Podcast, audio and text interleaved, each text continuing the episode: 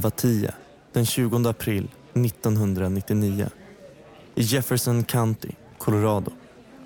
Det är en typisk morgon på Columbine High School. Ungefär 2000 elever går i skolan här i Littleton. 16-åriga Marjorie är på väg till sin lektion där hon ska ha fysikprov den här dagen. Hon är nervös. Mycket hänger på att hon klarar provet men också för att hon ska träffa en kille som hon gillar efter skolan. Klockan är nu 11.14 och en del av eleverna är på väg till matsalen för att äta lunch vid den här tiden. Inom några minuter är rummet fullt med 500 personer. Så det är inte så konstigt att ingen märker en person som ställer två stora väskor mitt på golvet. Väskorna innehåller två stycken 9 kilos propanbomber som är inställda att detonera 11.17. Dessa bomber skulle ha så mycket kraft att de skulle sprängt sönder taket och säkerligen tagit död på alla som befann sig i matsalen. Det kommer de som tur är inte göra på grund av ett konstruktionsfel. Utanför skolans västra entré sitter 17-åriga Richard Castaldo med sin jämngamla kompis Rachel Scott. Klockan är nu 11.19 när vännerna hör att det smäller en liten bit ifrån dem. Just då tänker de inte så mycket på det annat än det är någon som smäller med fyrverkerier i närheten. Men ungefär 100 meter bort ser de två personer klädda i långa svarta trenchcoats. Plötsligt drar de fram två vapen var. Båda killarna håller i varsitt avsågat gevär. Den ena även i en halvautomatisk pistol och den andra i ett hagelgevär. Det ska snart visa sig vilka de här figurerna är. De är elever på skolan. Sista års elever, båda två. En vid namn Eric Harris och den andra vid namn Dylan Keybold. Vart får två ynglingar tag på sådana vapen? Plötsligt faller Richard Castaldo och Rachel Scott till marken. Rachel har träffats av fyra skott och avlider omgående och blir därmed det första dödsoffret. Castaldo träffas av åtta skott, men överlever. Vad man inte visste då var att Eric och Dylan hade planerat en skolmassaker i nästan ett års tid. Man kunde aldrig tro att den här dagen skulle sluta i en förödande tragedi. Att den 20 april 1999 skulle bli en dag som så många kommer ihåg som en av de värsta skolskjutningarna i USAs historia med 13 döda och 21 skadade.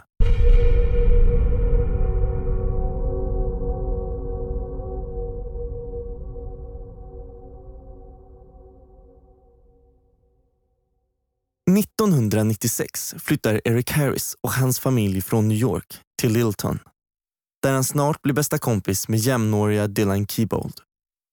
De söker sig till varandra redan på mellanstadiet. Och när de börjar på Columbine High School blir de båda utstötta och måltavlor för mobbare. Erik börjar under andra året förändras. Han blir mer aggressiv och utåtagerande. Båda pojkarna börjar klä sig i annorlunda kläder. Långa svarta rockar och kängor.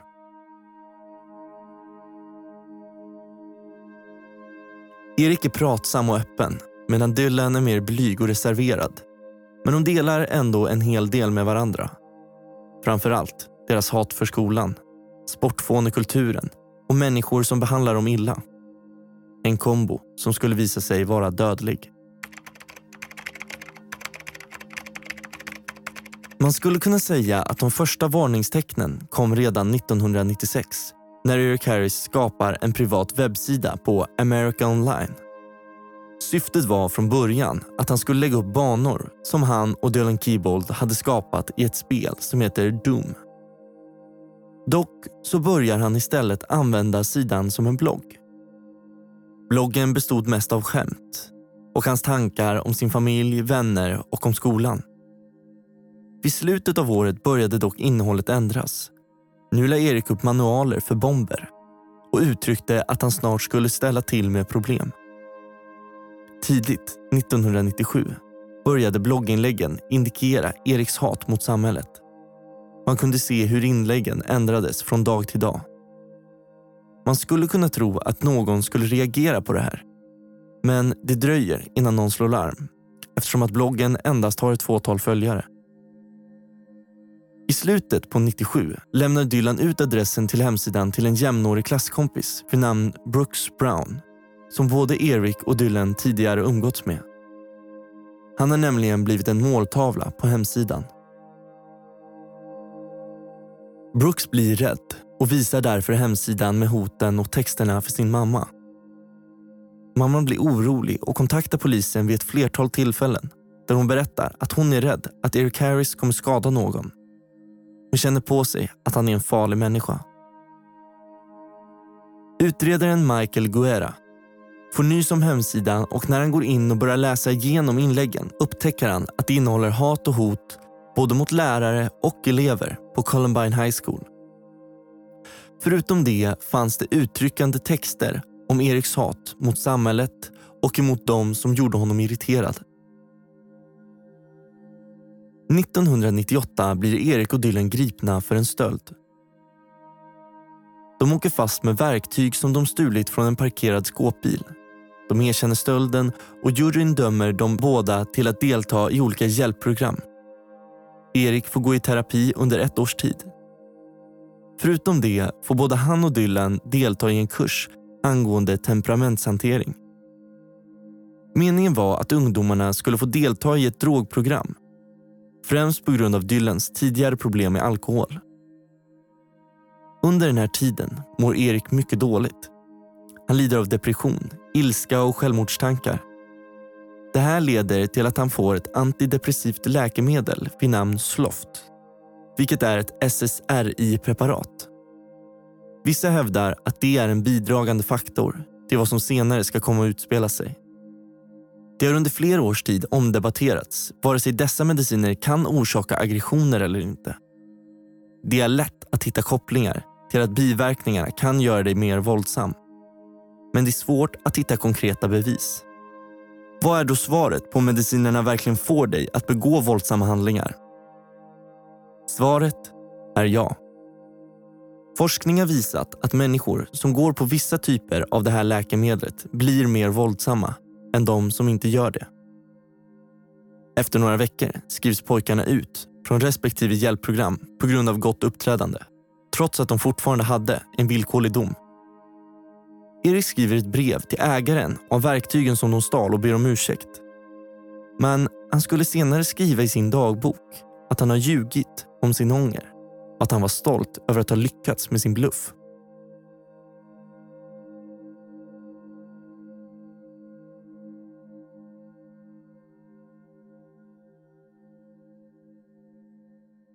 När de hamnade i problem började de båda få sin datortillgång begränsad av sina föräldrar. Vissa menar att ilskan som utlöstes i dataspelen nu vändes mot den riktiga världen. Dessutom ökade deras fritid eftersom att de inte tillbringade samma tid vid datorn.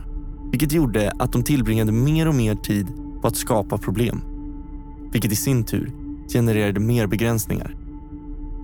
Slutligen, efter att ha varit arresterade och förbjudna att använda sina datorer började de två ungdomarna att planera en attack på skolan. Den 9 april 1999 fyller Eric 18 år. Nu återstår bara 11 dagar till han och hans kumpan gör sig skyldiga till ett massmord.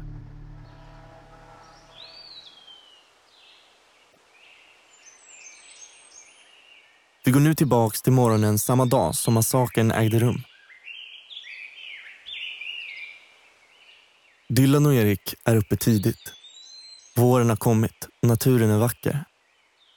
Det här är dock ingenting duon tänker på. För dem är ingen vanlig dag. Det är dagen som de planerat i nästan ett års tid. Dagen där de skulle bli massmördare.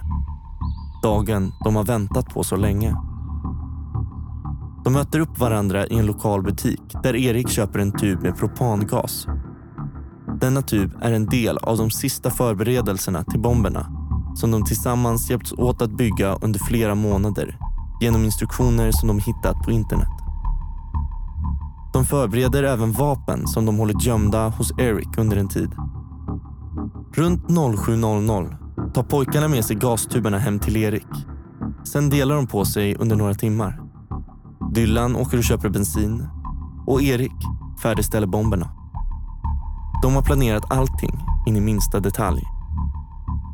De har till och med tagit sig tid att äta frukost och ta det lugnt innan de runt 11.00 sätter sig i varsin bil och styr mot Columbine High School.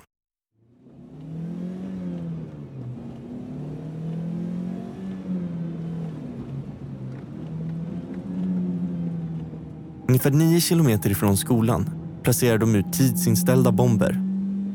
Explosionen skulle användas för att avleda brandkår, ambulans och polis från skolan som är huvudmålet. När de anländer till skolan är planen att bomberna som de placerat ut i matsalen ska sprängas och när människor börjar fly byggnaden ska de skjuta ihjäl en efter en.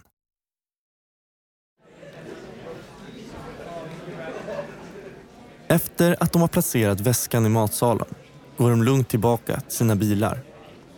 På vägen stöter Erik på Brooks Brown. Det var hans mamma som något år tidigare ringde till polisen efter att Eric hade lagt upp en video där han bland annat uttrycker sin vilja att döda Brooks. De hade länge haft en konflikt med varandra som den senaste tiden lösts och därav blivit vänner igen. Brooks frågar varför Erik inte deltagit i ett prov som de båda skulle haft den morgonen. Men det enda Eric svarar är Brooks, I like you. Get the hell out of here. Go home. Brooks, som känner sig illa till mods, ifrågasätter honom inte och går sin väg. Klockan är nu cirka 11.20 på förmiddagen. Richard Costaldo ligger på marken och kan inte röra sig. Samtidigt kommer tre elever gåendes från entrén. Eric och Dylan höjer sina vapen och skjuter alla tre. De har insett att det är något fel med bomben och har tagit beslutet att de nu ska börja skjuta ihjäl människor. Två ungdomar till har under tiden hunnit uppfatta vad det är som händer och när de springer och försöker ta skydd träffas även de av skotten. Samtidigt som de försöker fly springer Dylan fram och skjuter två av dem på nära håll, varav en av dem avlider. Inne i klassrummet börjar elever och lärare förstå att någonting är fel. Man har hört smällarna och skriken utifrån. Man känner på sig att det är något som är allvarligt. En av skolans anställda springer in till kontoret och skriker att någon håller på att skjuta. 11.23 ringer en elev det första larmsamtalet. Inom några minuter är tusentals poliser på väg till platsen. Även fast de allra flesta nu har förstått att det faktiskt skjuts på skolan så är det vissa som tror att det är sistaårseleverna som gör något slags prank. Men det är inget prank. Erik och Dylan går och skjuter slumpmässigt alla som kommer i deras väg och de tänker inte skona någon. En av lärarna på skolan är rastvakt den här dagen. Hon säger åt Erik och Dylan i tron om att det är leksakspistoler de håller i att sluta tramsa. Hon har inte heller förstått allvaret. De skjuter emot henne men hon klarar sig lindrigt undan på grund av att duon blev distraherad av sirenerna som kom närmare och närmare. Nu blir polismannen Neil Gardner deras måltavla. Han kliver ur radiobilen och Erik börjar skjuta mot honom. Men efter tio skott klickar hans vapen. Polismannen besvarar elden men träffar ingen av dem. De vänder utan att blinka och går tillbaka in i skolan igen. På övervakningsfilmerna på skolan kan man se när eleverna springer i panik. De försöker gömma sig på alla tänkbara ställen, men de är för många. Vid det här laget är det tre personer som hittills mist sina liv. Men det skulle bli många fler. Nu har biblioteket fångat deras uppmärksamhet.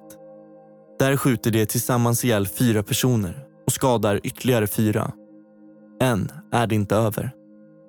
De börjar röra sig mot bibliotekets entré igen och skjuter sönder en glasmonter innan de återigen skjuter mot åtta personer varav tre dör och fem skadas. Vi ska nu lyssna på en del av ett larmsamtal som ringdes. Vi beklagar den dåliga ljudkvaliteten. Om man lyssnar riktigt noga hör man både Eric och Dylan i bakgrunden där de säger bland annat “You guys are gonna pay” Everybody get up now. Everyone in white, hats up right now. Die motherfuckers. That bitch is not staying alive. Go get her. Och Eric säger Dylan, I'm alright. Man hör också ljuden från skotten. Det dröjer inte längre än en omladdning av deras vapen så skjuts ytterligare två elever ihjäl.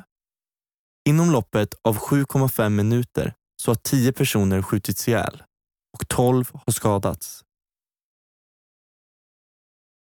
Det fanns 54 personer i området runt biblioteket vid den här tidpunkten. Eric bryter sin näsa när han krockar med en elev som han senare avrättar på nära håll. Klockan är 11.33 när Jefferson SWAT-team kallas in. Precis innan de anländer till platsen, 11.35, så har den sista personen skjutits ihjäl. Eric och Dylan rör sig mot kemiområdet på skolan. De passerar flertalet klassrum där de får ögonkontakt med livrädda elever. Men de gör inga försök att skjuta fler människor. Istället så börjar de skjuta in i tomma klassrum. De börjar gå emot matsalsområdet där en övervakningskamera har fått med när Erik skjuter mot en av bomberna i ett försök att få dem att detonera. Men misslyckas. filmen ser man hur både Eric och Dylan dricker ur flaskorna som panikslagna elever och lärare har lämnat efter sig. Ett vittne som sitter gömd i matsalen hör duon säga “Today is the day that the world comes to an end. Today is the day we die.” Harris och Keybold vistas i matsalen i ungefär två och en halv minut innan de till slut lyckas få en av bomberna att delvis detonera. Det börjar brinna och sprinklersystemet aktiveras. 11.52 får SWAT-team order om att gå in i skolan. Vid den här tiden går Eric och Dylan nu planlöst runt och rör sig mot biblioteket igen.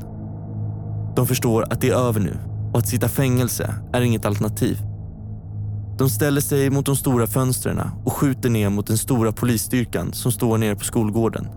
Men, men det tar inte mer än någon minut så slutar de efter det tror man att de pratar kort med varandra. Mellan 12.05 och 12.07. Det blir det sista de gör. Innan Eric ställer sig mot en bokhylla, placerar sitt hagelgevär pekande emot sig, stoppar mynningen i munnen och skjuter bort en stor del av baksidan av sitt huvud. Dylan satte sig bredvid honom och tog sin 9 mm halvautomatiska pistol, riktade den mot sin vänstra tinning innan han tryckte av. Obduktionen skulle senare visa att han inte dog direkt. Hans lungor fylldes istället med blod som orsakade drunkning. Ett vittne som gömde sig i biblioteket berättar hur han hörde honom harkla sig och hosta en stund innan det till slut blev skrämmande tyst. Nu var det över. 13 personer förlorade sina liv. 12 elever, en lärare och 21 personer skadades. En del av dem livshotande. Enligt utredningen var Erik skyldig till minst åtta av dödsfallen.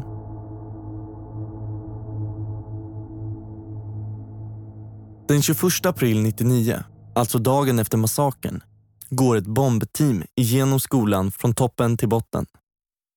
18.30 släpps den officiella dödssiffran för allmänheten där man också räknar med gärningsmännen. Runt 10.00 säkrade bombteamet byggnaden så att polis och tekniker kunde gå in och påbörja sitt arbete med utredningen. De kommande dagarna efteråt blev det första offret Rachel Scott samt en till avliven elevs bilar minnesmärken. Minnesstunder hölls i Salament Park, en bit från skolan. Den 30 april satte en vaktmästare upp 15 stycken träkors för att hedra offren. Det planterades även 15 träd. Både korsen och träden som var menade för Eric och Dylan tas ner av en pappa till ett av offren.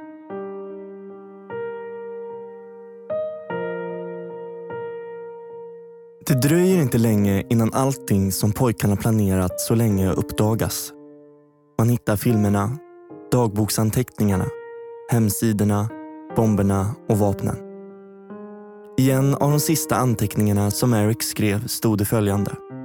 Citat. Jag hatar er alla för ni lämnat mig utanför när ni hittade på roliga saker. Och säg inte att det var mitt fel, för det var det inte. Ni hade mitt telefonnummer. Ni kunde ha ringt och bjudit med mig.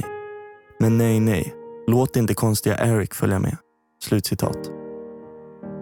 I en av filmerna som spelades in i källaren hos Eric säger Dylan citat ni har behandlat oss som skit i flera år. Ni ska få betala för all skit ni utsatt oss för. Och vi bryr oss inte. Vi kommer ändå att dö. Slutcitat. Elever har efter massakern vittnat om hur pojkarna hade det i skolan. Flera berättar om händelser där de blivit utsatta för både psykisk och fysisk mobbning. Då både lärare och klasskamrater bara stått och tittat på utan att ingripa.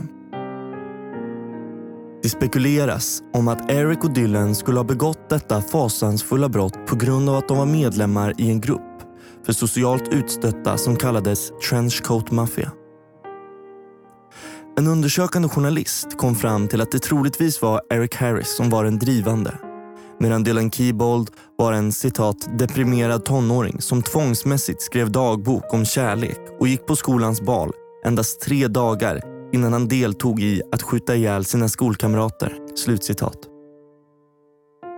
De båda hade även videoinspelningar där de dokumenterat sin arsenal av bomber, ammunition och vapen som de fått tag på illegalt. I dessa videos pratar de om hur de ska undvika att deras föräldrar får reda på något. Vissa videor var inspelade när de båda tränade på en skjutbana och andra var videor på skolan. Den 20 april, ungefär 30 minuter före själva attacken, gjorde de sin sista video där de sa adjö till sina anhöriga och vänner och bad om ursäkt. Denna video har inte offentliggjorts för att den inte ska inspirera andra. Ändå så har det tragiskt nog skett många fler skolskjutningar i USA sedan 1999. Psykologiska analyser gjordes i efterhand och dessa visade att Eric och Dylan led av djupa depressioner. Erics motiv till massakern var troligtvis sadism. Man tror att han led av psykopati. Medan Dylans motiv var mer att hämnas. Hämnas på de som gjorde honom illa och alla som aldrig ingripit. Efter massakern lämnar offren, deras familjer och släktingar in stämningsansökningar och i april 2001 mottog familjerna till mer än 30 av offren en summa på cirka 2 538 000 dollar. Dylans mor, Sue Keybold, ställde för första gången upp på en intervju 2009 där hon berättar om sin sorg. Hon säger att hon aldrig i sin vildaste fantasi kunde ana att hennes son planerade något sånt här. Hon kommer alltid att drömma mardrömmar om den skräck och den sorg som hennes son orsakade. Efter massakern tappade hon tron på allt. På Gud, på sin familj, på sig själv och på kärleken. Första gången som hon fick se sin sons dagböcker insåg hon att Dylan gick in på skolan den ödesdigra dagen och inte hade några planer på att komma tillbaka därifrån någonsin igen. Så sent som den 2 februari 2017 lades en video upp på Youtube med ett TED-talk med titeln My son was a Columbine shooter. This is my story. Redan den 4 februari hade videon visats nästan 300 000 gånger. I videon berättar hon bland annat om sitt arbete att förebygga psykisk ohälsa. Tack för att du har lyssnat på Svenska mordhistorier. Mitt namn är Hjalmar Wilén och jag är stand-in eftersom att Sebastian är för förkyld för att kunna prata ordentligt. Jag är Mayday-podden och Elen Dokumentär ifall du är sugen på fler spännande dokumentärer. Och Storytelling-poddar.